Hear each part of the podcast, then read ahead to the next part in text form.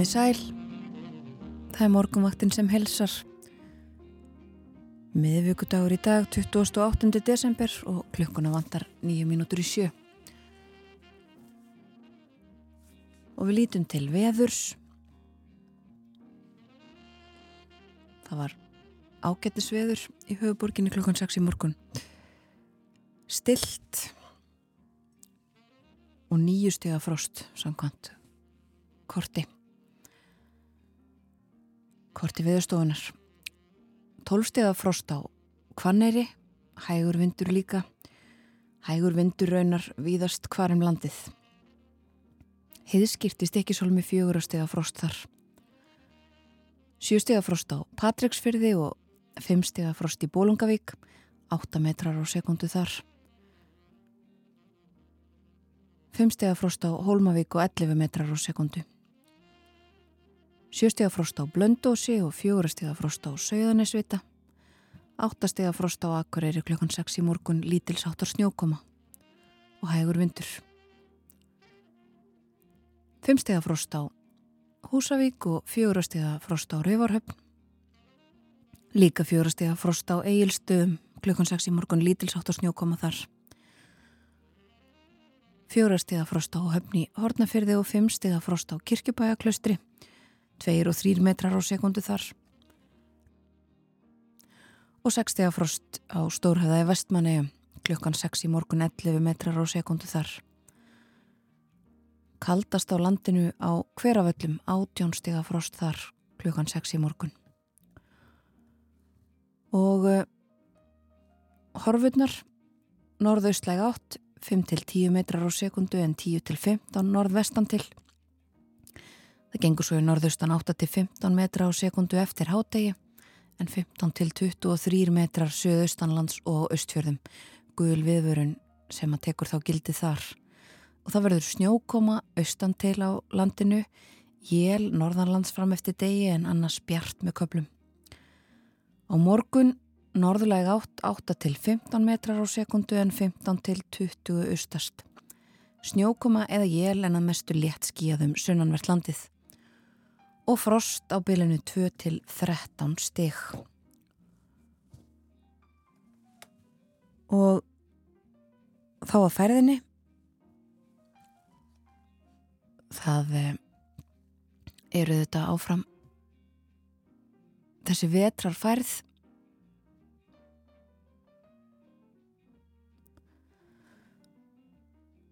Hálkublettir á stoppvegum á höfuborgarsvæðinu Það eru hálkublettir víða á söðvesturlandi, hálkaða hálkublettir víða á vesturlandi og eitthvað um snjóþekju í morgunsárið. Það er snjóþekja mjög víða á vestfjörðum, töluvert af hálku, þæfingur í kringum Holmavík, ófært á Dinjandiseiði og norður í Árnesrepp, þungfært á Innstrandarvegi og ófært um Brottanes, segir. Snjóþekja eða hálka með jæljagangi eða snjókomi víða á Norðurlandi eitthvað um hálkubletti. Og vegurunum Víkurskarðir ófær og vegurunum Dalsminni lokaður vegna snjóflóða hættu og uh, svo eru lokanir það eru ekki fleiri tilkynningar frá vegagerðinni eins og stendur. En það eru lokanir og íllfært víða um landið og sérstaklega mynd á það hér í tilkynningu frá vegagerðinni að vegir sem eru skráðir í þæfing eru illfærir eða ófærir fyrir indrifspíla og uh, það eru áframsensat lokanir víða. Förum nánar yfir þetta stöðu þessara mála hér á eftir en uh, aðeins að, að þætti dagsins. Við ætlum að líta svolítið um auksli þættinum í dag ætlum að fjalla um árið sem er líða í Breitlandi ætlum að tala um efnahagsmálin í heiminum á árunni sem er að líða. Og svo er það allir þessir menn eða manneskur ársins orð ársins og fleira slíkt. Við ætlum að glukka í blöð og fjölmjöla skoða nokkur af, eh, nokkrar af þessum manneskum ársins og orðum ársins. Svo leikum við einhverja tónlist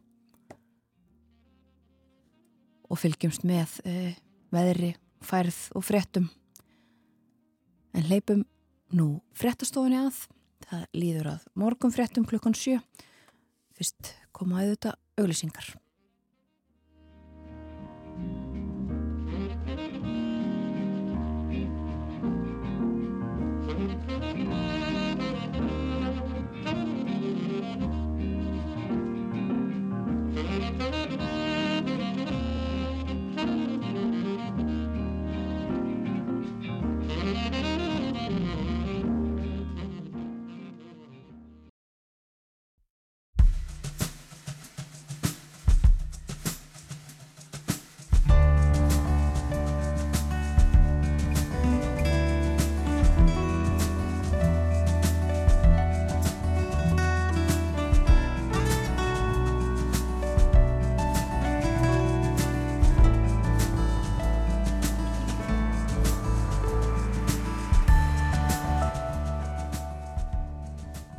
Morgumvaktin helsar og býður góðan dag.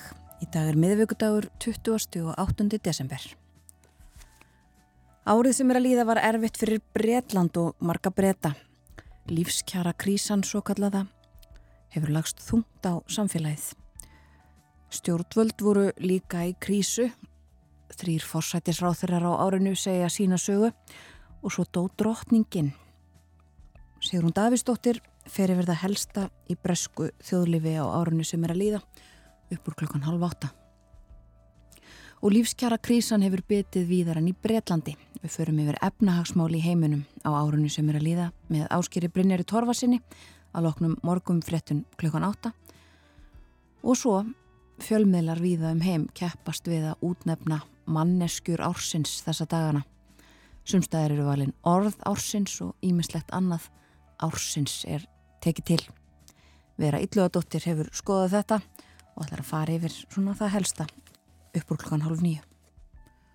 Umsjón með morgunvaktinni í dag hefur Þórun Elisabeth Bógadóttir.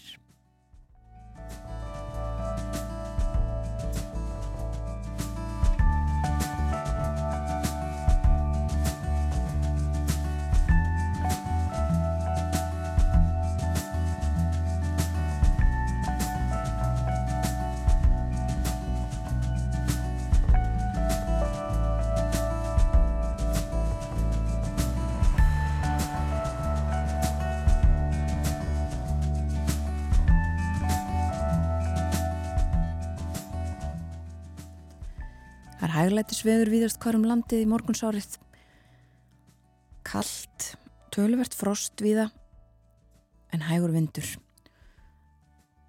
Það kemur hins vegar til með að breytast í dag. Það eru gular veður, veður viðvaranir á austfjörðum og söðausturlandi. Teku gildi á söðausturlandi klukkan nýju og á austfjörðum klukkan 11 og gilda í báðum tilvikum út morgundaginn. Og það er sérsagt norðaustan hríð í kortunum. 13 til 20 metrar á sekundu með snjókomu á östfjörðum og 15 til 23 metrar á sekundu með jæljum á söðausturlandi. Og það má búast við skafreiningi og lélegu skigni og vondum axtus skilirðum á þessum slóðum. Og Það verður áfram kallt á landinu, frostið við á bylinu 2-12 stig, alltaf 15 steg að frosti uppsveitum söðurlands. Og ef við lítum aðeins lengra, e, það verður austlæg átt á gamlárstag, 5-13 metrar á sekundu, víða jélega snjókoma en þurft að kalla norðaustan til. Áfram þessi kuldi kaldast þá í einsveitum norðan og austanlands. Minkandi frost svo þriðju dag í næstu viku en ekki fyrir en þá. Og uh, færð á vegum, það er áfram töluvert um ófærð, töluvert um... Uh, um viðvaranir frá vegagerðinni. Og uh, það er líka ímiskonar gaggrinni sem hefur komið fram á vegagerðina síðustu daga. Það er fórsíðu frettin á frettablaðin í dag. Öll spjót sögðu standa á vegagerðinni, segir í fyrirsögn.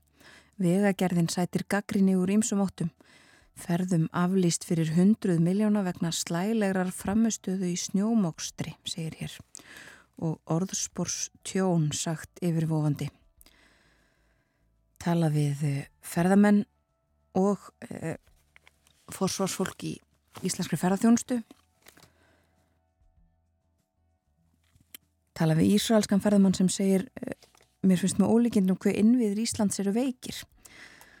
Að þið keift sér ferði í bláa lónið með löngum fyrirvara og komst ekki þángað vegna lókun Grindavíkurvegar í gær. Ferði í bláa lónið var höfuð ástæða heimsóknarana til Íslands.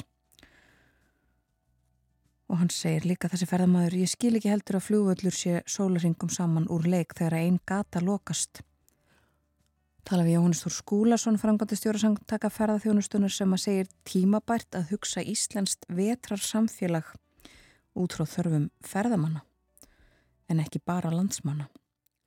Hann hvetur vegagerðina til að bæta þjónustu, auka upplýsingagifti ferðamanna og setja meiri þunga í snjómokstur víðar en nú er. Líka tala við Ingólf Axelsson hjá Tröllaferðum sem að staðhæfir að veðrið sé ekkert verra á Suðurlandi nú en árið 2019 þegar allt hafi verið opið. Við að gerðin hafi ekki þann mannskap og þau tæki sem að þurfi til að halda vetrarferðamennsku gangandi. Og uh, hann segist að hafa aflýst ferðum fyrir 200 miljónir króna síðustu daga, hætt að sé á orðspórstjóni og erlendum mörguðum og sagt svo að ekki hefði náðust í fulltrú að vegagerðarinnar vegna þessa máls. En eh, fórsíðu frettin á morgumblæðinu, önnur af tveimur, erum eina af manneskjum ársins.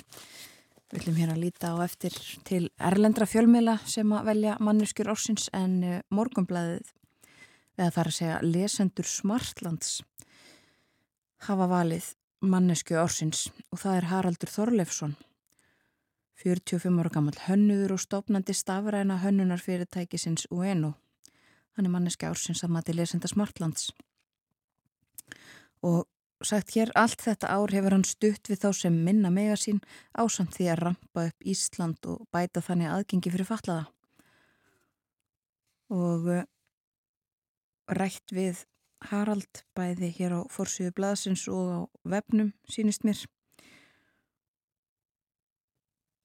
Ítalegt viðtal í Smartlandsblæðinu já sem fylgir morgumblæðin í dag.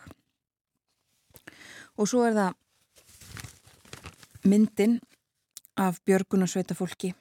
Flugveldasala Björgunarsveitana hefst í dag 28. desember. Í gær var Björgunarsveita fólk víða að, víða að undirbúa verðtíðina sem framöndan er og uh, talað við uh, gjaldkera flugbjörgunarsveitarinnar sem segir að um hundra manns komi að sölustarfi sveitarinnar þar nú fyrir árumótin og uh, segir að veðurspáin sé ágætt fyrir gamláskvöld hér í borginu má líka gera ráð fyrir að verði hiðskýrt þá er líka óskanda að vindreifi eitthvað svo sá reykur sem flugöldarnir skilja eftir sig fjúki burt Þessi málu þetta líka umdild, ekki allir á því að það er að vera sprengi upp alla þessa flugvelda innmitt eh, vegna vingunarinnar. En uh, þetta var svona sitt hvað úr íslensku blöðunum. Við lítum í Erlend blöð og fjölmila. hér á eftir en eh, skulum heyriðt lag tökum fram blötu með Simon and Garfunkel og lustum á The Boxer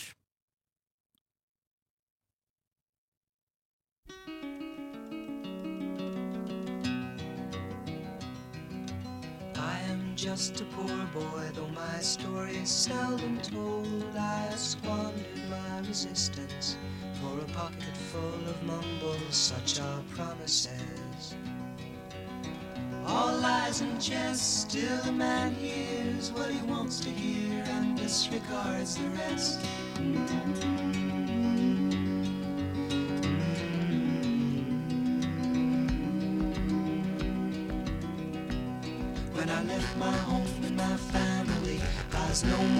Than a boy in the company of strangers in the quiet of the railway station, running scared. Laying low, seeking out the poorer quarters where the ragged people go, looking for the places only they would know. La la la.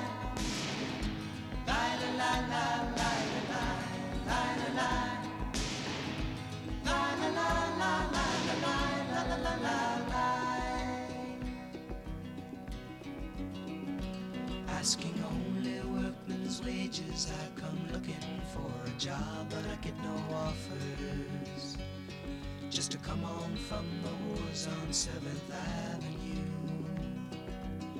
I do declare there were times when I was so lonesome I took some comfort there. La la la la la la la.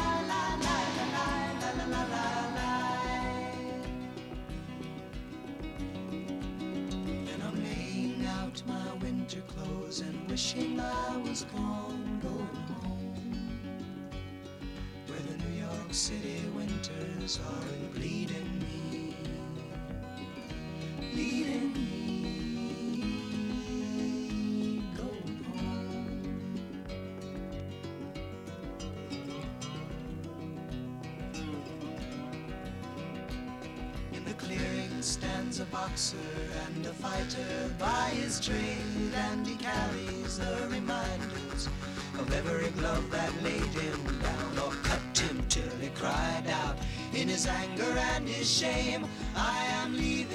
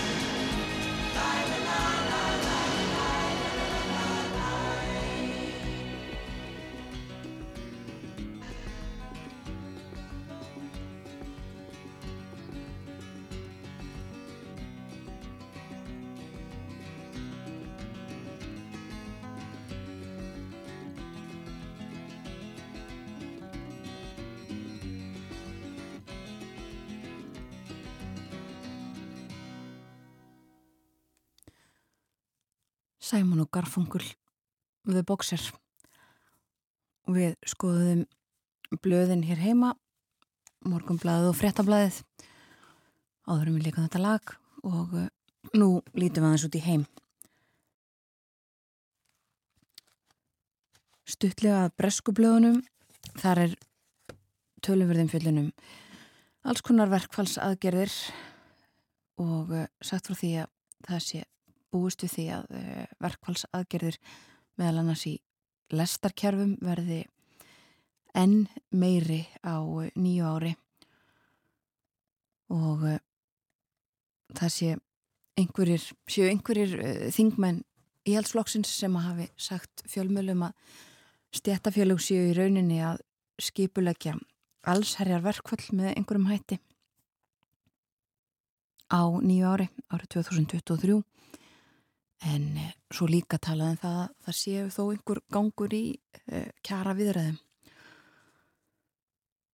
Við eh, förum nánar yfir þessi mál hér á eftir þegar að Sigrún Davísdóttir verður með okkur allar að fara yfir svona það helsta í bresku þjóðlifi á árunnu sem er að líða.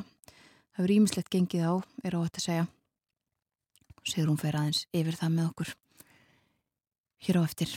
Um, Í bandaríkjónum er umfjöllinu um uh, vetrarveður og þessa uh, storma og þessi þannan kulda sem að uh, verið hefur þar síðustu daga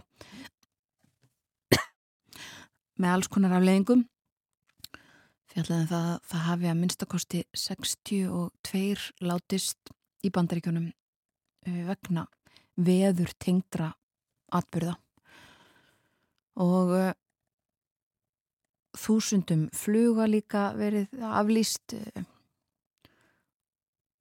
sagt hér í frett á Breska ríkisútarpinu að þúsundir farþega séu enn uh, strandaglópar á flugvöllum um allt land.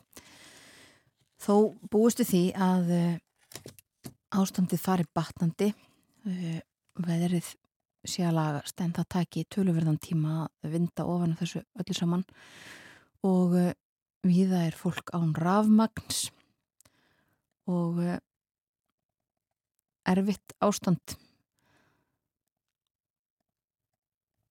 Förum þá frá bandaríkjunum og uh, til Úkrænu ymsarfrettir þaðan. Satt frá því fyrir skömmu að óbreytti borgarar flýi Kersson núna í morgun. Árásir rúsa þar hafi e, verið að stegmagnast og fólk flýi þaðan.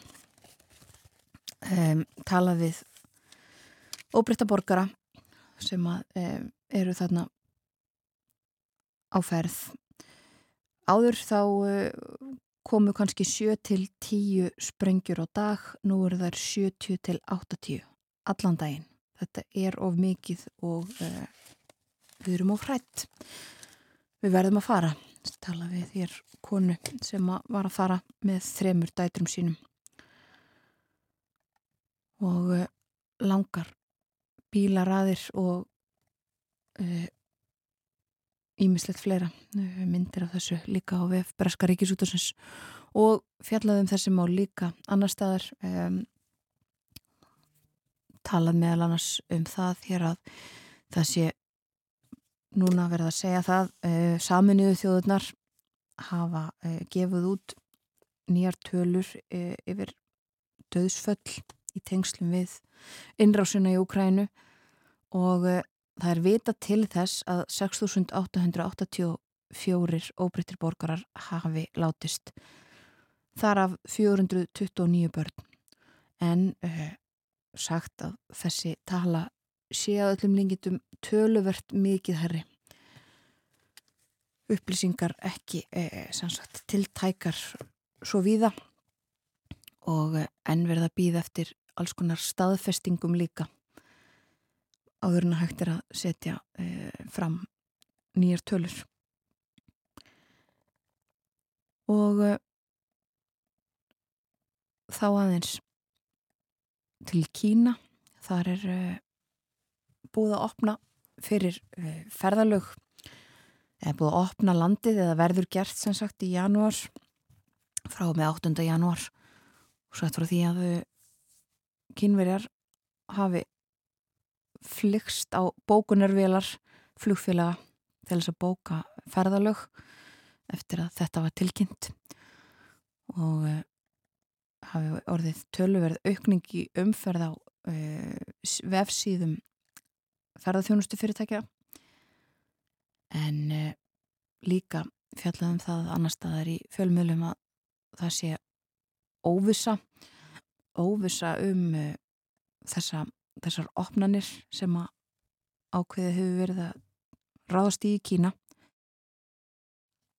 Og uh, mikið álag á öllum spítulum á helbriðiskerfið sem að hafi verið van fjármagnað og van búið áður en að þessum höftum var aflétt frekar óvænt. Það sé gríðarlega erfitt ástand mjög viða þetta gerði svo hratt og það er erfitt að fylgjast með og, og líka uh, fylgjast með nýjum afbreyðum sem að gætu verið á ferli, segir í frett hjá Guardian.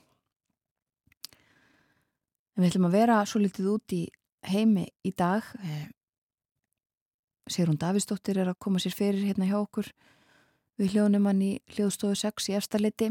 Hún ætlar að fara yfir stöðumála og árið sem er að líða í Breitlandi líka líta aðeins uh, fram á veginn og sjá hvað er í kortunum fyrir breyta á næst ári. Svo er það Áskil Brynjar Torfarsson hérna með okkur. Hann ætlar að fara yfir stöðu efnahagsmála, stæstu atbyrðina þar og svo er það vera Ylluadóttir sem ætlar að fara yfir manneskjur ársins, orð ársins og sitt hvað fleira ársins sem að, e, er út um allt í fjölmjölum þessa dagana, bæði hér á Íslandi og líka út í heimi. En skulum heyra eitt lag áður með hleypum fréttastofunni að með e, frétta yfirlitt. Það er Paul McCartney Here, There and Everywhere. Þetta er upptaka af tónleikum. To lead a better life I need my love to be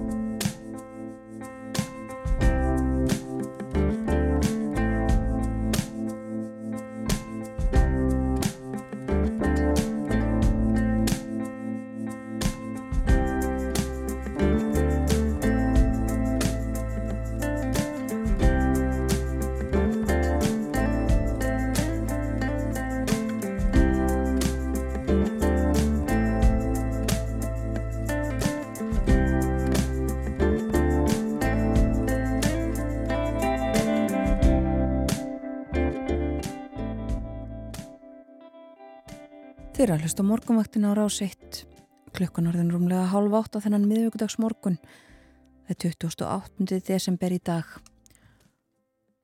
Lítum aðeins til veðurs.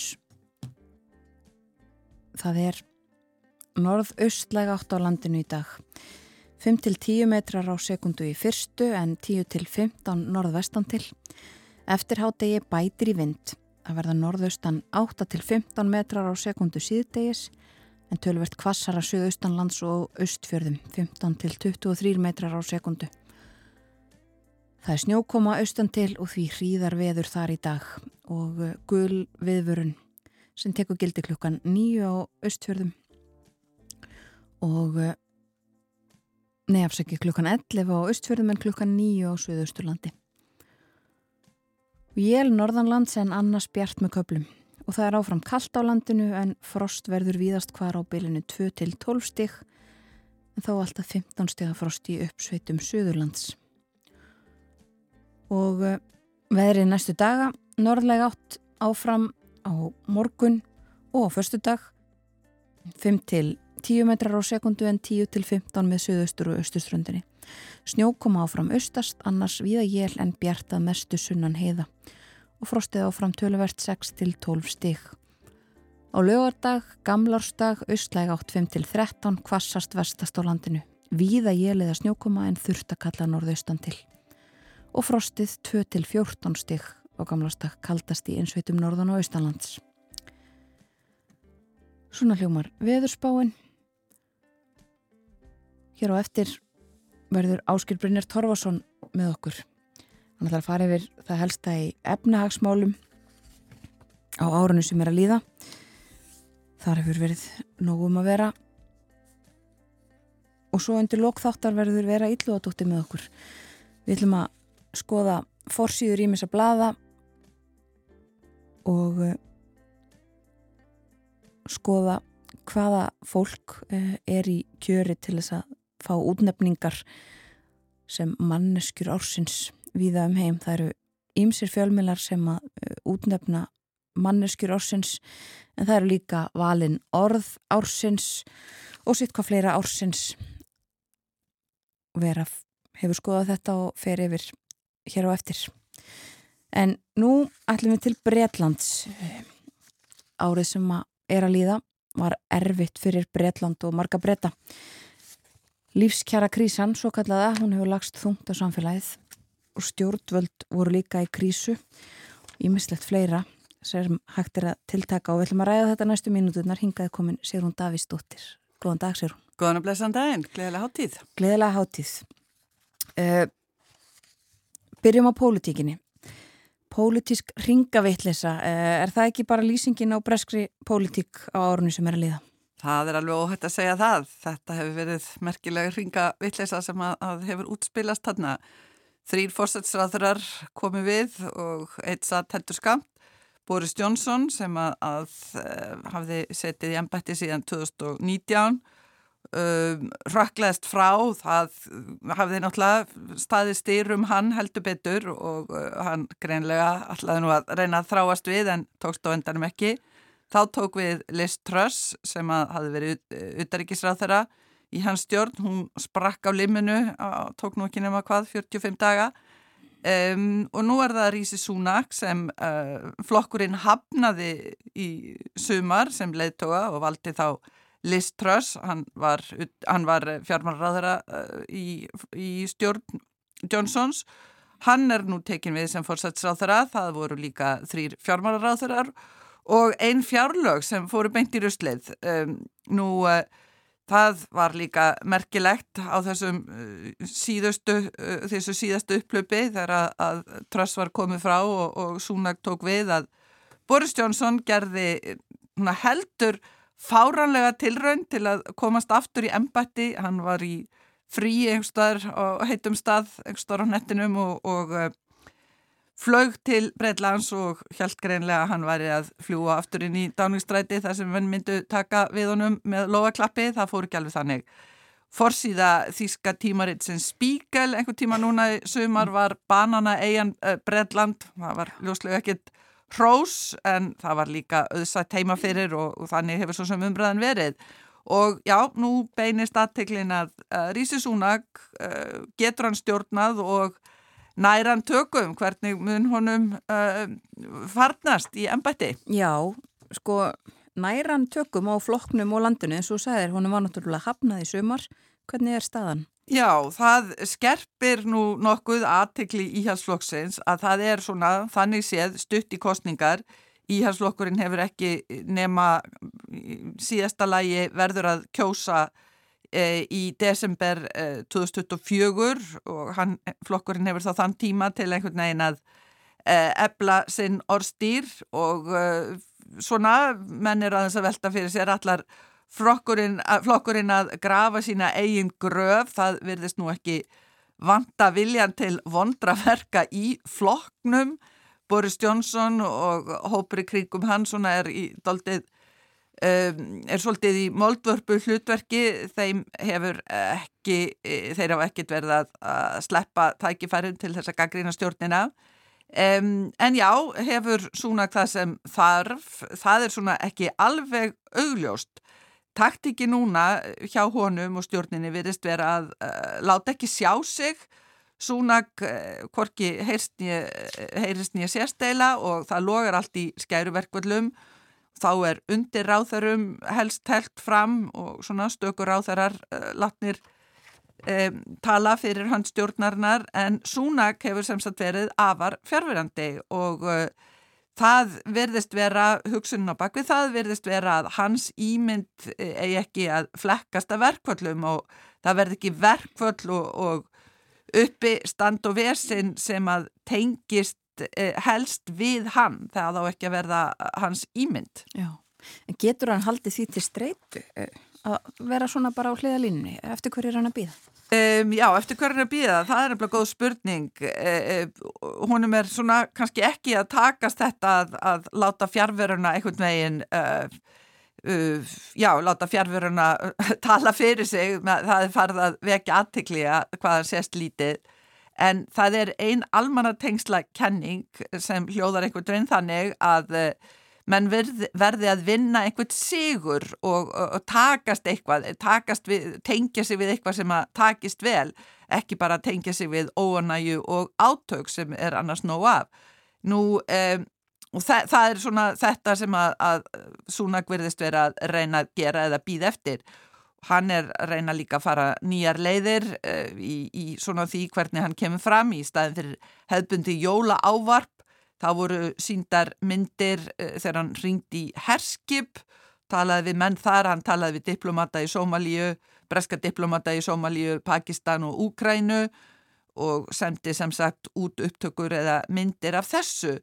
Hann fór svolítið út á meðal fólks, uh, hann var að afgreða í eldhúsi eða mötuneyti fyrir heimilislausa og það tókst nú ekki alveg vel og rataði fréttir því að uh, það var verða að mynda þetta og, og það kemur þarna heimilislaus maður og, og, og fórsætsrað þeirra segir svona mjög gladbeittur, já, ert þú í business? Það var náttúrulega ljóst að það verði þá business sem var ekki að takast vel fyrst að maður var að göttunni og og Súnak fór svo að segja þessu manni að hann hefði unnið í fjármálageiranum og hvort að þessi maður væri ekki til í að fara að vinni í fjármálageiranum Þetta var ekki alveg góð auglýsing fyrir fórsætsráðara sem að vildi vera í takt við fólk. Það þarf eitthvað meira en Súnak hefur svo sem sínta áður að hann er daldið fyrir það að láta þakka af sér fína myndir og vera daldið smart og, og keikur en um, já, spurning hvað það dýr við þessar aðstæðu sem nú eru. Já, og eins og við hefum nefnt sko flokkurinn hafnaðunum sem fórsetir á þeirra í sömar en e, þótt hann ekki standa sig svolítið vel sem fjármálar á þeirra eða hvernig var það? Hann allavega svona síndi þar ákveðin tök sem að, ímsum fannst að lofaði góðu og uh, það má ekki gleyma því að, að uh, þetta þegar við segjum að flokkurinn hafa hafnaðunum að þingflokkurinn kaus súnæk í þessari umferð í sumar þegar við verðum að leita að nýjum uh, leittoga. Þar kom uh, súnæk best út og þingflokkurinn þar hafnaði tröss og það var auðvitað aðdeklisvert að þingflokkurinn þar að segja þeir sem þekktu hana best höfnuðu henni og völdu súnag uh, sem er auðvitað umhugsunarvert. Uh, jú, hann þótti Súnak þótti standa sig ágætlega sem fjármarar á þeirra en það vöknuðu samt fljótt ímsar evasemdir. Metnaðurinn leindi sér ekki en það voru svona ímis slis sem að, að uh, já, sem að, að uh, hann varð fyrir eða, eða hans eigin gerðir. Þannig að hann misti svolítið geyslabögin sem hann hafi haft. Það síndi sig að hann vantaði aldrei tilfinningu fyrir fólki og hann næri ekki sérstaklega vel til fólks sem er kannski lægi ef að hann fengi nú á sig það orð að klára hlutina og koma einhverju frá en það er ekki alveg ljóst að svo verði, það er ekki alveg ljóst hvort að hann ráði almenlega við verkefnin. Nú varðandi utaríkismál þá er tekið eftir því að uh, Súnak verði stoltið vaklandi í stuðningi við Úkrænu hann þvertekur reyndar fyrir að svo sé en hann vil nú samtláta skoða kostnaðin og þetta er auðvitað annað heldur en Boris Johnson sem að, að stóð mjög einarlega við hliðina á uh, við Úkrænu. Uh, Súnak hefur ekki heldur sínt mikið tilþrif í utaríkismálum, uh, hann hefur lítinn áhuga verið stera og, og það er svo sem endur speklar hann ákveðina uh, fylkingu í floknum, lítinn áhuga á erlendri aðstóð uh, breyta og þáttöku svona alþjóða vettvangi hann ætlaði ekki að fara á lofslagsráðstöfnun í Egiptalandi en nú, fór nú svo endanum þannig að já, það er svona ekki alveg ljóst hvar áhuga uh, svið hans er helst. Nei, uh, hvað með stöðuna í verkamannaflokknum? Núna, uh, skoðanakannanir, það er lítið vel út fyrir verkamannaflokkin? Er líta mjög vel út fyrir verkefnumflokkin, flokkurinn er svona nokkuð öruglega alltaf með 20%, 20 stiga fórskott á íhersflokkin og það mátti skinja það á flokksþingi verkefnumflokksins í haust að nú var þetta svona í fyrsta skipti flokkur sem svona þorraða vona að það færi kannski að stittast í eh, stjórnar anstöðu tímanum og hann færi að komast að Um, í valdastóla, um, það var líka áberandi á flokksinginu að Forkól var viðskiptalífsins mættu þar í hrönnum og uh, svona staðakýr starmers var uh, nokkuð tröst en það eru ímis mál sem að starmer og verkamannflokkurinn eigadaldi erfitt með og þar á meðal Brexit. Því að þó að kýr starmer hafi verið mjög öflugur stuðningsmaður veru breyta í Europasambandinu að þá er alveg ljóst að flokkurinn veit ekki alveg svona í hvað uh, fótinn á að stíga varðandi Brexit. Uh, Brexit eru þetta ekki búið og heldur áfram að vera til vandraða og já, verkamannflokkurinn ádóldið í vandraði með að ná utanum þau mál. Já, og Kýr Starmer hefur líka haft svona kannski það orða á sér, hann, er, hann á erfitt með að hrífa fólk Hann á líka mjög erfitt með það og uh, menn er þá að velta fyrir sér hvort að væru einhverjir aðrir sem væru betri leiðtóar, það er uh, flokks, uh, flokkurinn uh, er svona að velta því fyrir sér, það er þingmaður sem heitir West Streeting, nokkuð ungumadur talsmaður í heilbreyðsmálum mjög skelegur David Milliband, fyrirverandi uterikisrað þeirra í, í stjórn verkamannflóksins á sín tíma. Eh, hann hefur verið fjárverandi, reyndi að verða flóksformaður eh, á sín tíma, bróður hans, Ed Milliband sigraði þá.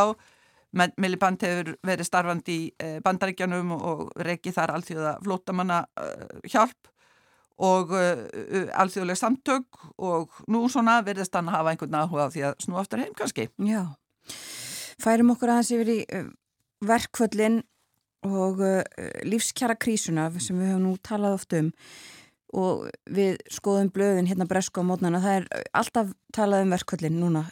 Hverjir er að fara í verkvöld? Það eru ímsir ofinbæri starfsmenn, uh, samgöngugeirin, hjúkurunafræðingar, í fyrsta skipti í sögunni, sjúkraflutningafólk, starfsmenn, lesta og strætisvagna, landamæraverðir þetta hef, hefur verið uh, svona samþjöppuð hrína verkvalla núnum jólinn. Um, það er svona ekkert sáttaljóð verist vera í lestarstarfsmönnum uh, og all þessi átök, verkvallsátök íta upp gamlar væringar, hægri og vinstri um stöðu uh, stöðu verkalýsreifingarnar yfir leitt. Já. Þetta eru svona stakir dagar hér og þar en eins og segir samþjappað um jólinn en uh, hvernig lítur þetta svo út? Uh, núna uh, er þetta þannig að uh, til dæmis verkalýsfélögin þau eru mörg hver bundin við ákveðna landsluta hjúgrunfræðingar í Skotlandi þeir hafa til dæmis þegar samið.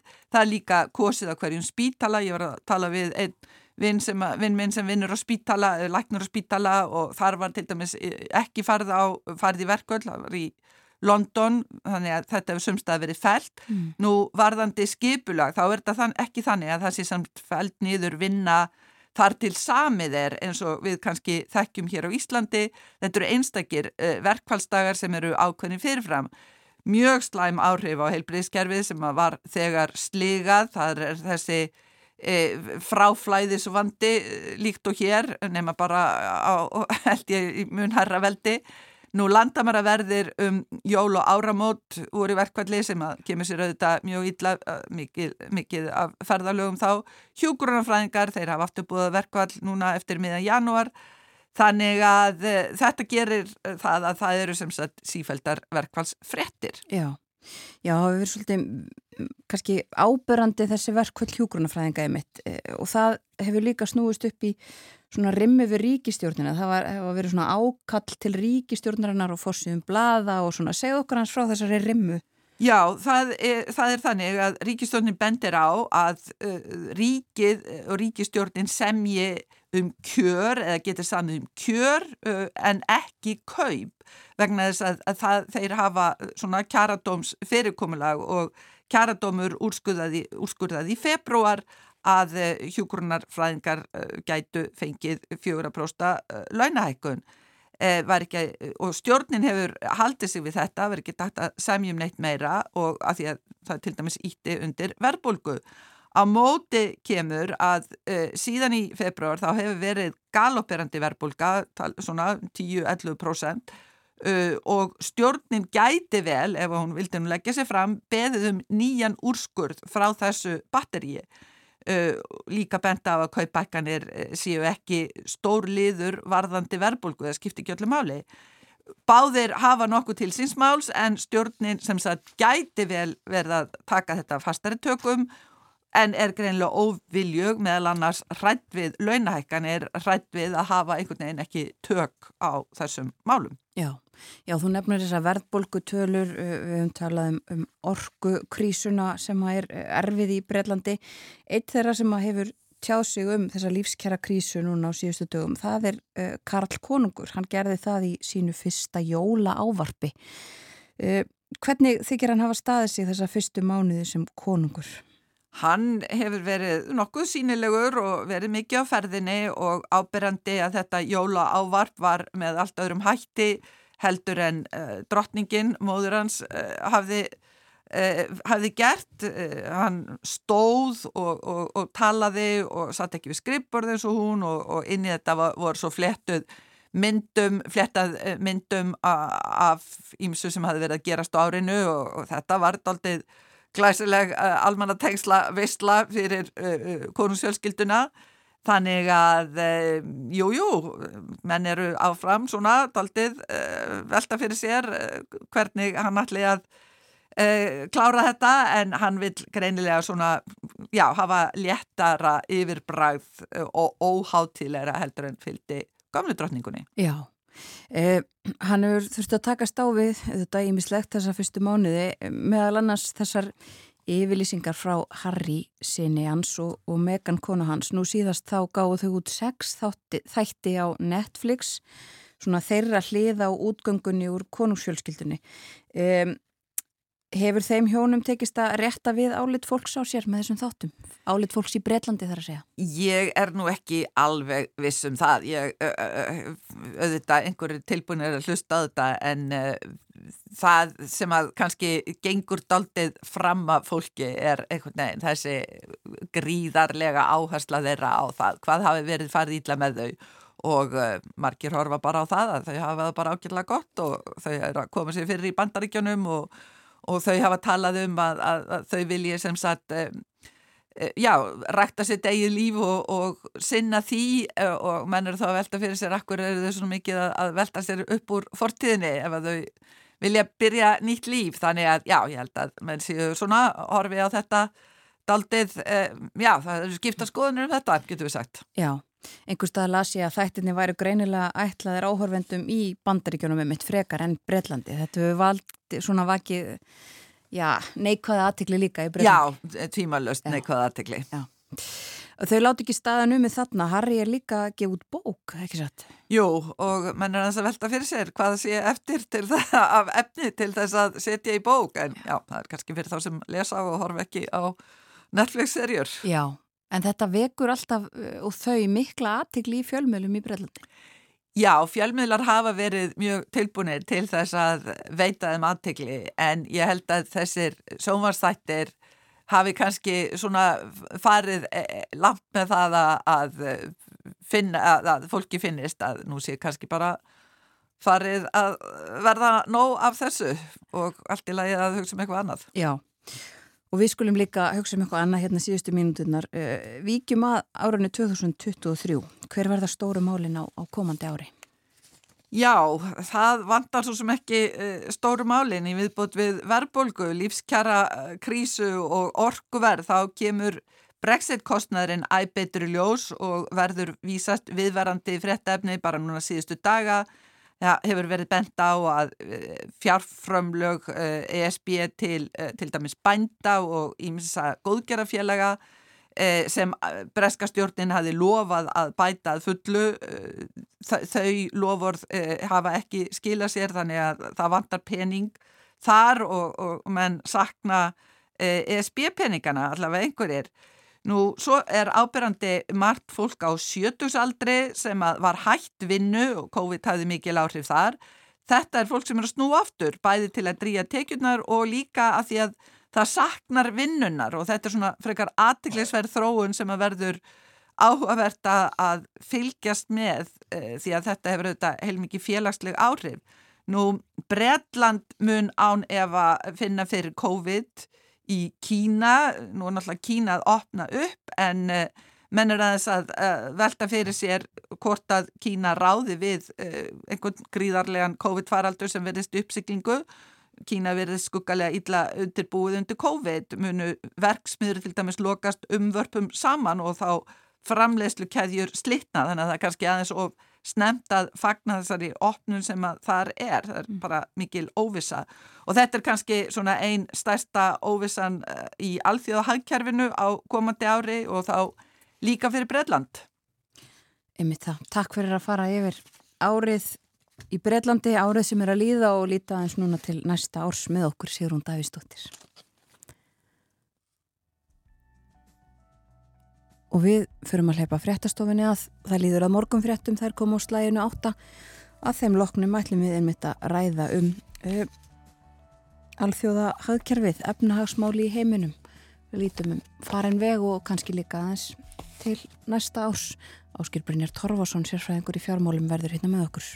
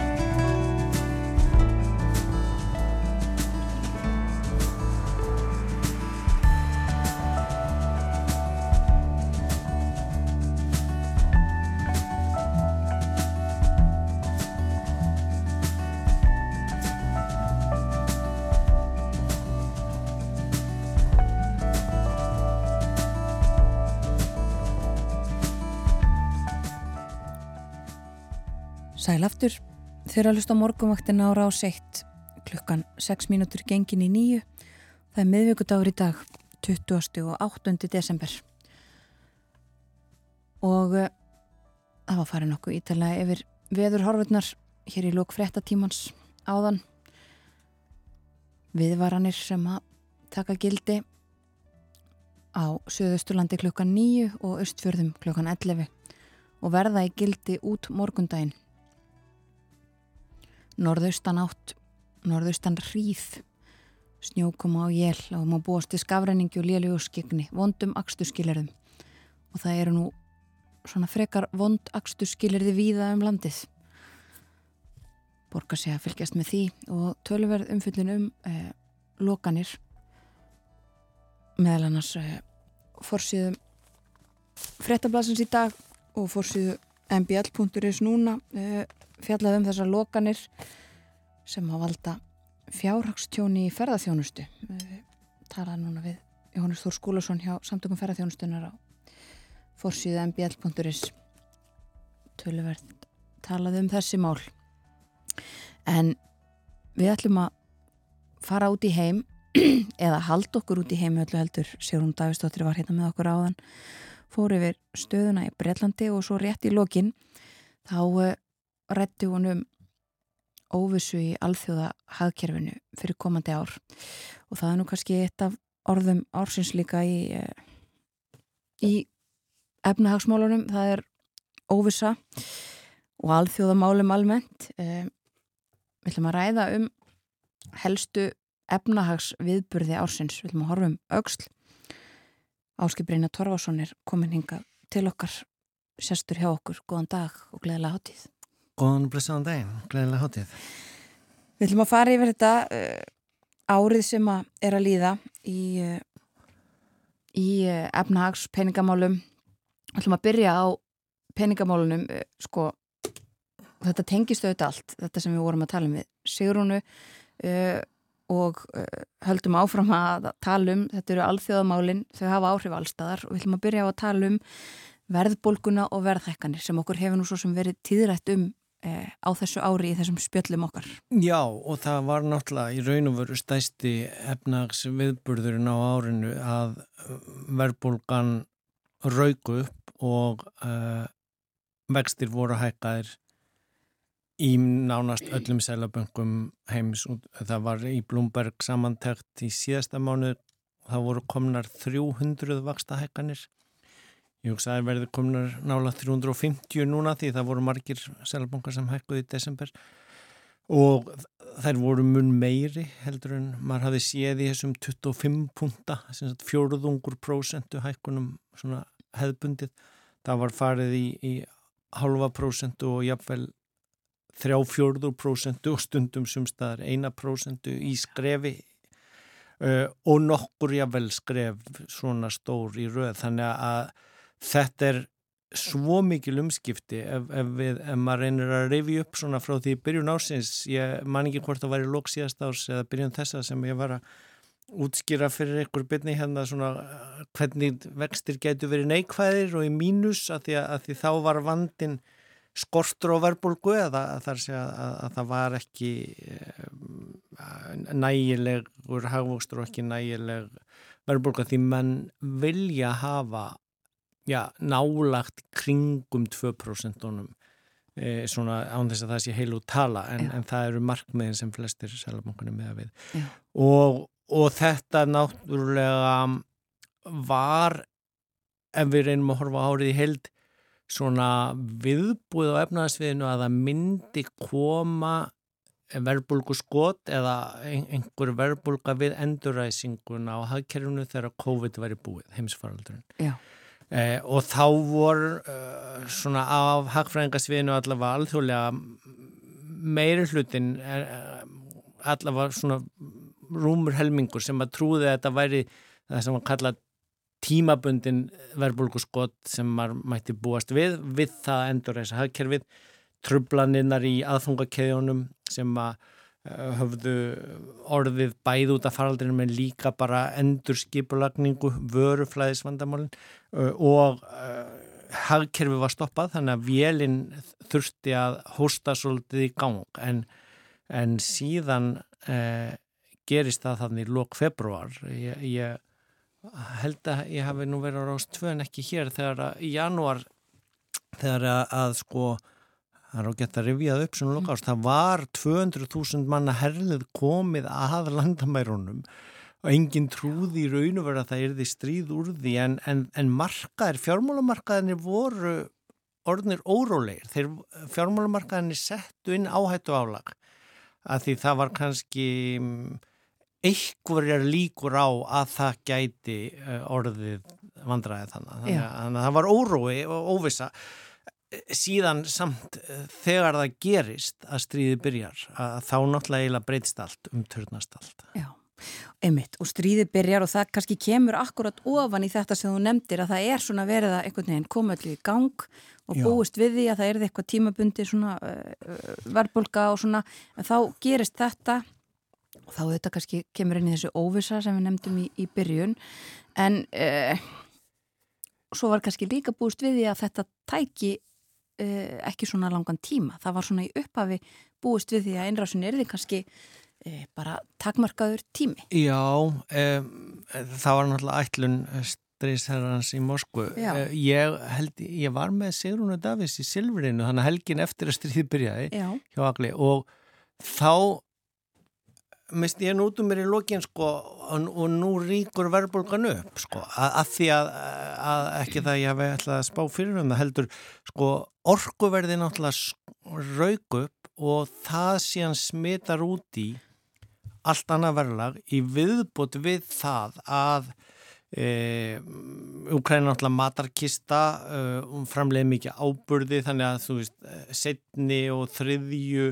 bylgu ársif verðhækkanina færast yfir á meir og minna allar vörur sem við þurfum að kaupa þannig að þetta gerðist rosalega hratt og náttúrulega sem má ekki glema að þetta er sko stríð sem er jafn mikið háð sko, hann svo langt sem við höfum haft svona stort stríð mm -hmm. en þetta stríð er náttúrulega bæði háð núna á samfélagsmiðlum eða í, það, það, það er svo sem þekkt áður í gennum fjölmila en þetta er gífurlega mikið háð á viðskipta og efnagsviðinu þetta stríð. Það er að segja að það, það var greinilega bara eitt af hernaðar tólum innrásar uh, innar að uh, kreppa að gas flæðinu til Evrópu og mm. láta verðið þar með rjúku upp og valda efnagslegum skada Uh, mótaðgerðnar voru þá að uh, Vesturlöndin settu mjög harðar þvinganir, -hmm. efnaðstvinganir, meir enn maður hafði sjáður og fristi eignir sem var algjörlega uh, nýtt í raun og veru, eða hafði aðeins fyrir gert en, en í svona miklu mæli að voru eignir fristar og það að segja, þá, þannig beitt aðferðunum réttaríkisins, þessar eignir eru náttúrulega bara í fristingu, það er ennþá eign Eh, hins lögformlega eiganda en maður sér núna kannski þegar þetta stríði búið að verið tíu mánuði að það er strax nú þegar farið að tala um stríðskabætunar, endur uppbyggingarsjóðun og þess að það er mjög líklegt að þessi uh, haldlagning egna verði nýtt eftir reglum réttaríkisins og lögformlegum leiðum til þess að fjármagna endur uppbygginguna þannig að hérna að það er svona, já og svo er, er uh, teknar svona kre, kreatívar hugmyndir eins og að prófa að setja verðþag á gasið sem að, og oljuna sem að við heyrum síðan í fréttunum í dag, þá kemur mótleikur frá stríðsherranum og ég ætla þá bara ekki að selja olju til þessar landa, sko, þú veist, oljan fór hún er uh, 80 dólarar núna, hún fór upp í 120, þannig að hún var 50% herri í byrjunstrísins mm -hmm verðþæki þarna er 60 sagt, helmingur af því sem það var í toppi en í 20 dólarum undir eða fjórðungi undir heimsmarkaðsverðinu. Uh, og uh, þar er líka reynd að beita aðferðum réttaríkisins lögformulegum leiðum, þetta er nota tryggingar á fluttningan og þess að þar en, en auðvita ekkert er kjurst þegar það er stríð. Þannig að það er alltaf leikur og mótleikur og, og, og það eru að sjá á efnaðsvinu og það eru að sjá líka í aðfangakæðunum eða beinlýnins í gasleðslónum eh, hjá frændum okkur í Eistarsaltinu eh, skemdarverkin á leðslunni þar. Það, það er ekki að sanna það en, en öllum líkindum er það tengt stríðinu alveg eins og viðhaldið sem var nota til að stoppa flæðið þannig að Akkurat. þetta er svona efnahags uh, leikir Já. til hliðar við stríðsvöldin. Og þetta kostar allt uh, alla aðila mikla peninga en sko stríðið sjálft kostar líka helling og útgjöld til hernaðamála eh, hafa aukist við það og það eru auðvitað verið að styðja úkræðinu með töluvert miklum eða bara gríðarlega miklum fjárframlegum. Já og, og, og þá færum við okkur svona af hérna peningastefnu fætinum á þessum kolli yfir á ríkisfjármála eða ofinbæra fjármála uh, uh, leggin eða Já. fótin og, og þar er náttúrulega uh, sko hjá eiginlega öllum öðrum löndum en okkur uh, gífurleg útgjaldaaukning ég held ég að við nefnt fyrir tveim vikum Póland tvöfaldaði sko útgjöldin sín til stríðs eða sem hernaðar útgjalda úr 2,5% af landsframleyslu upp í 5 NATO krefst sem sagt 2% og uh, ekki mörgulönd hafa fyrir að uppfylla það. Bandaríkin eru náttúrulega svona stærsta veldi þar og breytar svo sem stóri líka en, en eins og til dæmis Þískaland hafi mhm. verið eh, mjög lítið raun og veru að setja í, í, í sín hernaðarútgjöld. Uh, og, og þetta er náttúrulega að breytast mjög mikið núna í viðbútt við það og þá er það svona flokkun á útgjöldunum eh, aðstóð Um, þróunar aðstóð eða aðstóð til um, e, stríðsræðurlanda eða aðstóð við bara að halda orkukerfun í gangandi í Ukrænu núna er svona einhverju gráu svæðið að mörgum er það hernar aðstóð eða er það, er það hérna, uppbyggingar aðstóð þannig að, að, að en þetta þarf náttúrulega alltaf að borga Uh, úr hinnum mismunandi ríkisjóðum og stuðningur bæði bandaríkjana og Evrópu er náttúrulega mjög mikill til, til úgræðinu í þessu að því að þeir eru náttúrulega að verja þarna já, sjálfstæði ríkja og, og líðræðið fyrir þessari innrást þannig að, að, að, að sko ég notaði þetta aðeins, ég veit ekki hvort þú mannst eftir í þegar við vorum í heimsfaraldrinum uh, war finance eða stríðsfjármál að því þá vorum við að berjast við veiruna en, en þá uh, gerist það og þetta uh, hafði náttúrulega ekkert verið upp á borðum í áratýi eða ég vel bara, já, síðan fyrir 80 árum, að, að í stríði þá getur ríkisjóður í raun og veru eitt og takmarkaði endalust meðan að stríði stendur. Sé, og, og það sáum við með ríkisjóðuna í barátunum við veiruna, ríkisútgjöld jökust, skuldsetning jógst vextinn er náttúrulega lækkaðir þannig að kostnæðurinn af skuldunum var mun minni og þannig var hægt að heia baráttuna. Svo þegar stríðið er búið þá þarf að gera upp og finna út hvernig á að borga tilbaka fyrir þetta. Verbulgan er eitt fylgifiskur af því þar að segja að þú eigðir upp hlut af skuldunum með verbulgu og síðan eh, er verbulgan vissuleiti skattlagning á kapital þannig að, að þannig nærður hluta tilbaka og svo þarftu að auka skattheimtu líka og eða draga úr útgjöldunum eh, eftir að uh, stríðinu líkur og hvort sem það er stríði við veiruna sem við vorum að koma út úr sem að síðan þegar þessi innrás kemur og er bæði að valda útgjöldum beinlýnis varðandi stuðningsins og stríðins en líka að valda þessu verbulgu, já, vandamáli sem er þá ekki bara verbulgu skot heldur við sjáum tveggjast af að verbulgutölur skot, við erum í kringun 10% hér og í Európa-samöndinu en frendur okkar við Eistrasaltið Eistland, Lettland og Leitán er að kljást við 20% verbulgu. Já, já, það kemur alltaf á skuldadögum og uh, það hefur uh, verið og við hefum talað um það reglulega líka á, á, á þessu ári sem er að líða svona hvað það er sem að brestur? Já, uh, það, það er sko, það, það voru veikustu þættirnir sem að herði stað eða, eða, eða já, um, falla og, og það var nú eitt af svona eh, minni atriðunum en sem voru samt svolítið stór. Það, það er hérna að rafmynda veturinn hefur að fara að leta orðum ársins á eftir. Lífskjara krísan er náttúrulega eitt stór kandidat og, og, og um, e, rafmynda veturinn annað. Þar sé að bitcoin og þessar e, síndaregnir sem hafðu blásist upp í e, á tíma hins ódýra fjármaks e, að þær sundu mjög mikið verði allt árið og hafði byrjað svo sem í um, toppurinn þar var í november 2021 þannig að uh, á sama hátt og við sjáum fátækari löndin í heiminum verða núna mjög aðkreft þau kannski höfðu tekið láni í dólarum vextinni rjóku upp uh, gengið þeirra hvert dólar verður óhagstætt. Þannig að í viðbútt við síðan að, að matur og aðfung uh, verða dýrari. Þannig að, að þarna fara ríkisjóðinir jafnvel að reyna ef þeir geta uh, í útgjöld til að uh, vinna gegn lífskjara krísunni en, en, en um, uh, já, við erum að sjá fjöldan allan af löndum eins og Belize og, og, og svona fátekari sílanka, fátekari löndum sem eru bara í mjög miklum vanda nú þegar. Og sama í raun og veru það sem þið voru að tala um í Breitlandi það sem er, hún er nú kannski einna svona sínilegust lífskjara krísan og ver, eh, verkföllin byrjuð og, og, og þess að það að því að þeir voru kominir út úr Evropasambandinu og Brexit kostnæðurinn var farin að koma á þá í viðbót við eh, heimsfaraldurinn og í raun og veru samdráttin sem að þeir höfðu farið í útgjöldunum sínum eftir fjármálakreppuna.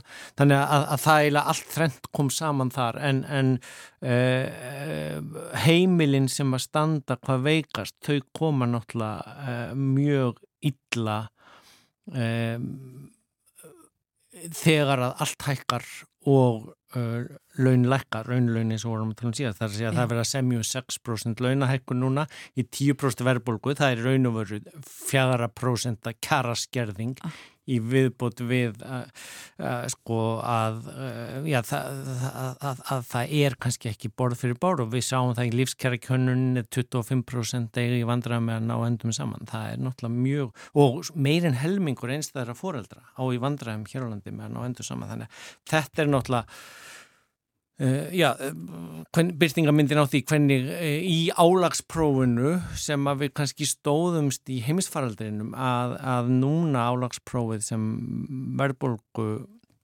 veturinn er að setja okkur að þá ja, kreppir yllilega að. Já. Við þurfum að uh, ræða þau mál nánar síðar á skiprinjar. Það er auðvitað mitt stóru málin uh, á næsta ári. Við komumst ekki að tala um næsta ár en við gerum það kannski næst. Takk kærlega fyrir í dag. Já, takk fyrir mér.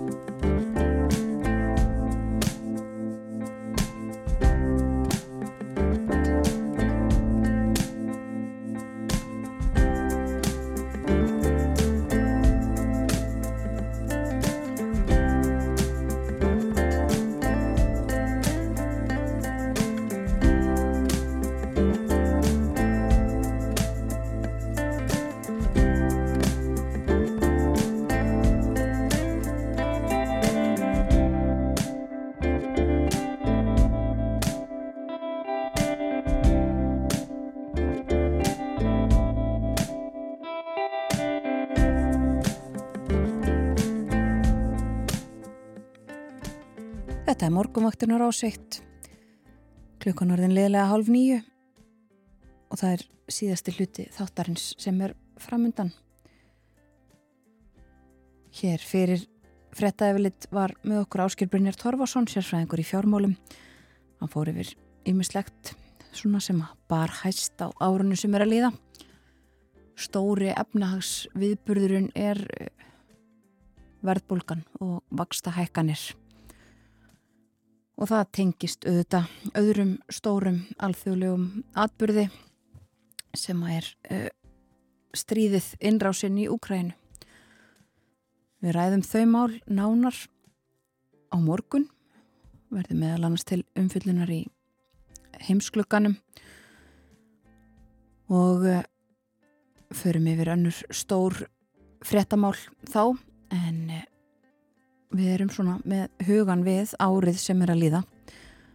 Á ýmsum sviðum. Fyrir morgunar Sjórun Davísdóttir hjá okkur við fórum yfir árið sem er að líða í Breitlandi og uh, það fylgir þessum árstíma eins og við nefndum í morgun að uh, það er verið að nefna, útnefna alls konar uh, menn, manneskjur ársins viða og alls konar ársins er tekið í Eh, tiltekið í fjölmjölum ég las upp í morgun úr uh, morgunblæðinu sem hefur eða það er að segja uh, lesendur Smartlands morgunblæðsins hafa valið Harald Þorleifsson sem mannesku ársins þar. Uh, viðtal við hann bæði á forsiðu og inn í morgunblæðinu og líka á vefnum sjómasviðtal það er verið að velja mannesku ársins hér á Rúf hægt að kjósa ennþá uh, á milli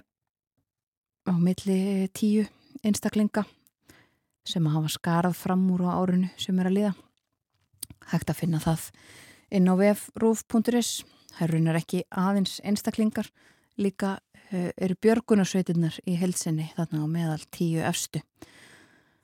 Og svo er líka að uh, ringja inn held ég alveg öruglega ennþá til þess að velja manneski ársins hér á rúf en við ætlum að skoða aðeins meira þessu tengt næstu mínuturnar vera íllugadóttir er sast hérna hjá okkur. Góðan dag að vera.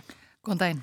Þú ert búin að vera að kafa ofan í ímislegt svona ársins Já, það eru auðvitað víða sem er verið að taka saman árið eh, sem er að líða meðal annars eh, eins og nefnir með því að vera að velja mannesku eða manneskjur sem að hafa vakið eh, aðtikli eða aðdáun á, á árinu og, og þar ber kannski svona hæst eða við ykkur hvað mest alþjóðlega aðtikli Þetta ár sem, sem önnur ár er, er, er valbandaríska tímaritsins Time á mannesku ársins merkilegt hvað það, eh, hvað það vekur alltaf miklu aðtikli með að, að Time fer nú ekki annars mikið fyrir tímaritinu Time lengur Akkurat. en uh, það var kungjört uh, jú í, í, í byrjun desember að, sem að kannski kom ekki, ekki sérlega mikið á óvart að það er selenski í, í leittói Úkrænu sem að varð eh, fyrir valinu sem eh, manneski ársins hjá, hjá uh, Time, maður sem hefur vakið uh, gríðarlega aðtegli auðvitað á uh, árinu út af Ukrænu stríðinu. Mm -hmm. En síðan er einnig auk þess sem að fólk er að, fólk er að velja manneskjur og, og ég held að mig fullir það að það er eftir að koma frek, fleiri fregnir um, um, um það bæði frá, frá úr kjöri kjöri rásar uh, tvö á, á manneski ársins og, og utan, úr, utan úr heimi þetta er oft oft uh, kungjast annarkort í, í blá lokina árinu eða, eða, eða byrjun þess næsta Já. en uh, síðan er einnig verið að velja víða eða eða, eða, eða kjósa um uh, orð ársins sem er gert í svona vaksandi mæli uh, víða um heim og hefur verið síðustu ár. Já. Þekkjum það þetta hér, hér uh, velur ríkisútarpið eða, eða, eða, eða þjóðinn í gegnum ríkisútarpið orð ársins og það er hægt að, hægt að kjósa á milli, milli nokkura orða á, á uh, rúf.is núna. Það orð, uh, hvað verður þar fyrir valinu, verður held ég ekki, verður ekki tilkynnt fyrir einhvern tíman í byrjun januar. Já, hvaða, hvaða orð uh, fólki finnst hafa engjant uh, árið 2022. Mér sýnist að það verði gert um, þegar menningarviðkenningar rúf verða afhendar uh, sem ég held að sé á 13. Þannig að það verður uh, gaman að fylgjast með því en uh, viða í kringum okkur þá er búið að, búið að velja orð ársins eða jafnvel byrta heilu orðalistana. Það var bara núna fyrir nokkrum dögum síðan sem að Danir Kynntu uh, orð ársins, það, þar er það uh, dönsk málnemnd sem er í samstarfi við þátt í uh, danska ríkisútarpunu Klóp og Spró sem að velur orð ársins, það eru hlustendur sem að þar sendin orð sem að síðan sérstök domnemnd skipuð einhverjum sérfræðingum og fjölmiðla mönnum velur úr og eh, þannig er þetta ekki endilega eh, nýjirði sem að komið hafa fram á árinu heldur einhver, einhver orð sem að, sem að hafa sett eh, marksitt á, á árið á, á einhvern hátt eða, eða enkjent það.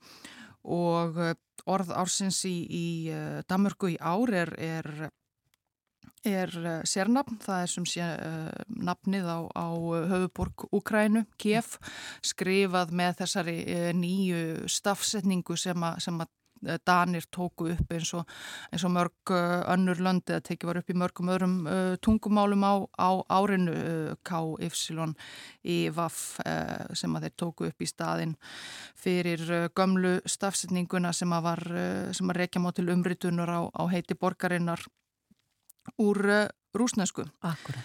Þannig að, og það er talað um það í, í, í raukstuðningi að, að, að þetta hafi, þetta hafi, hafi Danir tekið upp þessa stafsendingu í, svona, til að sína úkrænumönnum samstöðu og, og kýfuð þetta verið eh, mikið í, í fréttum í Damörgu sem uh, annar staðar. Akkurat. Og þarna uh, mátti sjá svo sem á, á, á lista ímis orð önnur sem að svona sem að já, sína, uh, sína það hvernig, hvernig árið hefur verið. Þeir voru með orðið til dæmis inflasjón, verðbólka, auðvitað sem að sjá má held ég á mjög uh, mörgum listum einhver verðbólku tengt orð viða um, um heim, energikríse og uh, annað orð sem að mér fannst raunar nokkuð flott er orðið blúðból eða blóðbolti sem að, sem að fólk fór að nota í tengslum við mannirtindabrótt í mannrittinda brot hengt heimsmeistara mótunni í knatsbyrnu í, Katar auðvitað. Já, það er svolítið flott orð. Danirnir, einmitt, eins og þú nefnir þessi hinn sem eru svona ennsku skotin orð en þarna höfðu þeir alveg ekta danst. Já. já, þannig að eh, já, þetta var eh, orð eh, ársins í, í, í Damörgu.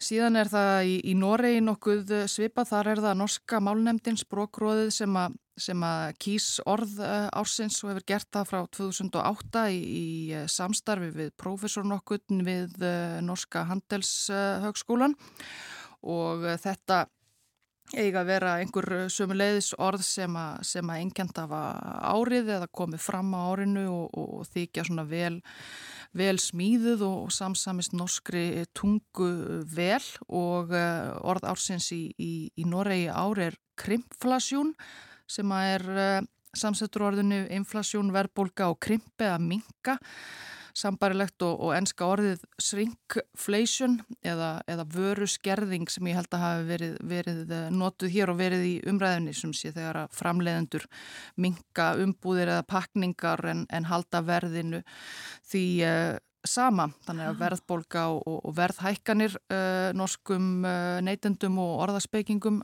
hugleikin sem, sem annar staðar og á svona lista norðmanna yfir, eh, yfir eh, aðkvaða mikil orð á árinu. Þar var uh, Kíef kænugarður einnig á, á lista.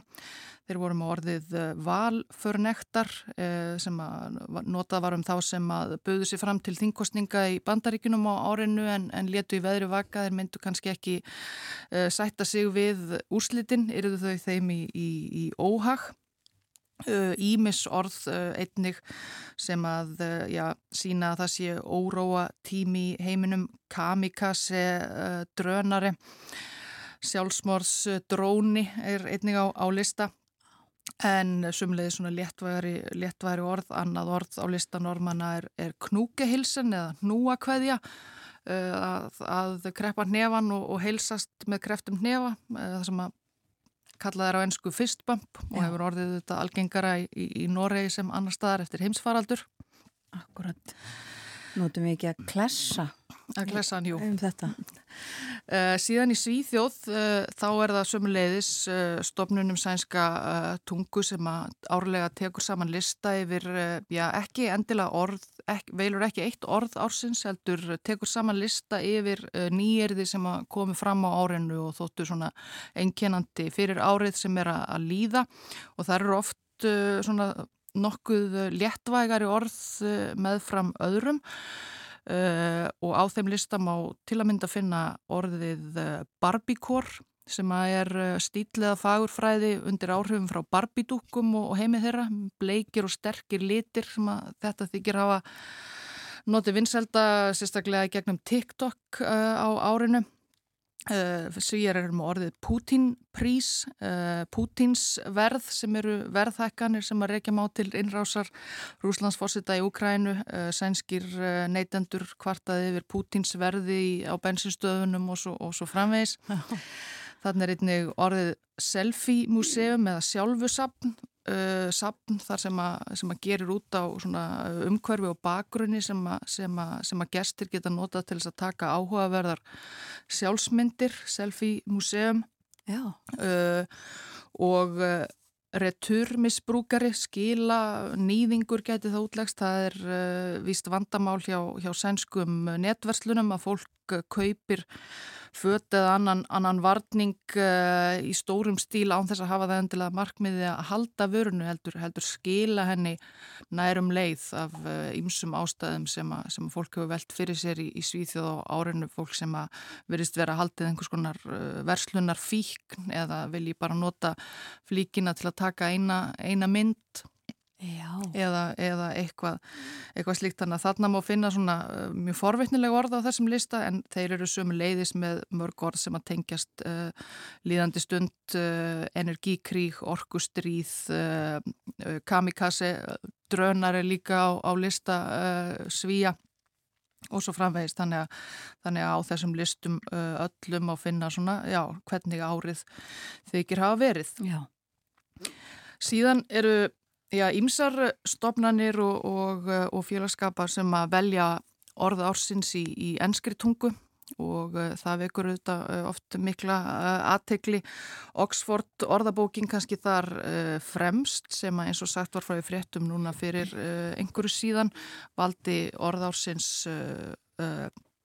fyrirbærið Goblin Mode uh, sem að uh, já, þykir lýsa yfir gengilegri sjálfselsku, leti, hirðuleysi eða, eða græðki ásamt því að vera í andstöðu við félagsleg miðmið og væntingar uh, sem að hefur notið vinsalt á, á, á, á Twitter á árinu sérstaklega á öðrum samfélagsmiðlum já. og Oxford orðabókin hefur þann háttin á að það er almenningur sem að færa, færa kjósa sitt uppbóls orður einhverjum úr einhverjum uh, úr einhverjum uh, lista Já. og uh, Goblin Mót sem sé vann með, með gríðalegum yfirbörðum þessa kostningu fekk 93% atkvæða gegn orðunum metavers síndaveruleika heimur á internetinu og uh, millumerkinu I stand with eða ég stend með og þá svona greinilega nokkuð átak uh, af aðdáendum orðsins Goblin Mode á samfélagsmiðlum að koma því þarna í, í fyrsta sætið. Já, við eh, höfum ekki orðið verið þetta mikið á, á íslensku. Nei, ég veit ekki hvort að Það var nú fjallað um eitthvað, uh, ég held að það hef verið fjallað eitthvað um þetta þegar þetta var kunngjört en, en hvort að, hvort að einhverju einhver snara þessu yfir á íslensku veit ég ekki. Nei, akkurat. Síðan uh, er það Merjam Webster, uh, bandarískur orðabóka útgefandi sem að einnig gefur út orð ársins og það er ofta svona, svona aðeins hefðbundnara. Þar eru það, er það það val er byggt á því hvað notendur vefútgáfu bókarinnar hafa leitað sérstaklega mikið að á, árinu og getur, verið, uh, getur eins verið eitthvað gamal gróið orð uh, í fyrra var orð uh, ársins hjá Merján Webster vaksín, bóluefni sem að fólk fór greinlega mikið að leita að. Og í ár er það orð sem hefur sumleiðis verið áberandi í ábyrjandi hérlendis eða íslensku gaslighting, gasleasing þannig að fólk notendur Merriam Webster hafa, hafa, hafa leitað mikið að, að því orði á árinu nú til að tryggja því þennan uh, titil. Já. annar orðabóka útgefandi uh, sem að uh, gefur út orðársins er, er á ennsku er, er Collins. Þar er uh, orðársins permakrisis eða síkrísa sem að uh, já, notað hefur verið í, í Breitlandi allavega um uh, þessar mörgu krísur sem, a, sem eru, í, eru í, í gangi, stríð og, og, og efnahagsörðuleikar og, og lofslagsbreytingar og fleira.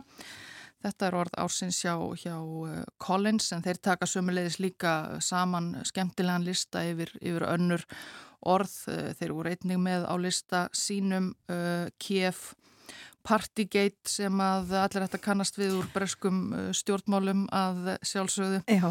Veistlu Vesen Borisar Johnsons uh, þarna var orðið Warm Bank eða hitabanki sem að nota er um vel upphittaðar byggingar þar sem að fólk sem hefur ekki efni á að hita eigin heimili getur farið til að elja sér og, og, og fleira slíkt Uh, síðan er Cambridge orðabókin sem að valdi uh, nokkuð óvinnilegt orð, orð ársins hjá þeim er, er Homer. Uh, sem að er sem sé slangurirði yfir það sem kallað er home run í, í Hafnabólta Uh, og þetta var valið vegna þess að uh, það uh, var einhver tíman í mæ sem að 75.000 manns leituðu að þessu orði í vefútgáfu bókarinnar en það hafa verið vegna þess að það kom upp í netleiknum Wordle Já. á New York Times sem að, sem að svo margir sem svo margir eh, spiluðu Akkurat. á þessum tíma. Já. þannig að uh, það var orðársins hjá þeim mismunandi leiðir valdar til þess að, til þess að finna, finna þetta. Greinilega, já. Þetta voru allt annari átthæltur en margt annað. Já, uh, hellingur af alls konar orðum uh, við kannski lítum aðeins yfir þessi orð sem að koma til greina hér á Íslandi en þetta er svona, það eru kannski kunnuleg stef við það Já, svo sannlega og, og, og mikið um orkumál og, og mikið um, um verðbólku en, en uh, líka skemmtilega orði. Ég verða nefna eitt sem var uh, valið af uh, orðabóki Ástralju. Vísa ekki, þar voru kjósendur sem að fengu að velja orð ársins og, eða nefndu nokkur og þar á meðal sem vakti kannski mesta aðtikli var, var fyrir bara Bachelor's Handbag sem er greinilega notað í, í, í Ástralju, handtaska peiparsveinsins en þetta er sem sé svona grillaður kjúklingur sem að keftur er í, í umbúðum sem að líka má við handtösku í maturverslunum og sem ganga gengur peiparsveitnin með, með kjúklingin eh, heim í handtösku sinni. Þetta hefur verið áströlum hugleikið á eh, árunni sem er að liða. Akkurat, þetta sér maður nú, þetta eru sömu umbúður og hérna á Íslandi, ég minnist þess ekki að nokkuð maður hefði haft orða á þessu sérstaklega. Vega aðtikla þessu hér með. Akkurat, hægt að taka þetta upp eh, í íslenskunni. Takk hella fyrir þessa yfirferði yfir eh, já, mannesku og svo aðalega orð ársins viða um heim vera í lóðdóttir. Kanski að nefna hérna nokkur af orðunum sem að koma til greina hér á vef ríkisútasins sem að enn er hægt að kjósum það eru armslengt að hoppa, húðrútina inngilding, innrás íþróttaþvætti kaupmáttar bruni, matöll mótökubúðir, neyðarbyrðir orkuskipti, rampa tenetásur, tilbúðskvíði og þriðja vaktin. Þetta eru orðin sem að koma til greina sem orð ársins hér og hægt að velja inn á VF Rúf og líka hægt að velja manneskjórsins eins og fyrir sæði. En eh, morgunvaktin er að ljúka þannan miðugudagsmorgun. Þú ætlum að ljúka þessu á lægi, heyrum í Zombies syngja uh, Time of the Season. Við þakkum samfélgina í dag, verðum hér aftur í fyrramálið morgunvaktin á sínum stað býður góðan dag þegar klukkuna vantar tíu mínútur í sjö eða um það byrð það. Verðið sæl og njótiði dagsins.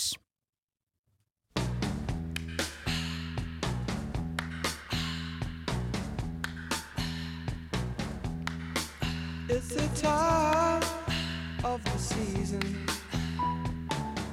when love runs high. In this time, give it to me easy and let me try with pleasured hands to take you in the sun to promised lands to show you everyone.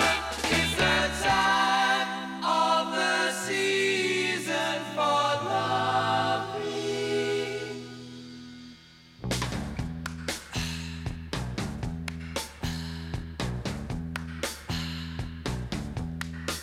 What's your name? Who's your daddy? Who's your daddy? He. Is he rich like me? Has he take us anytime? Anytime to show to show you what you need to live. Tell it to me slowly.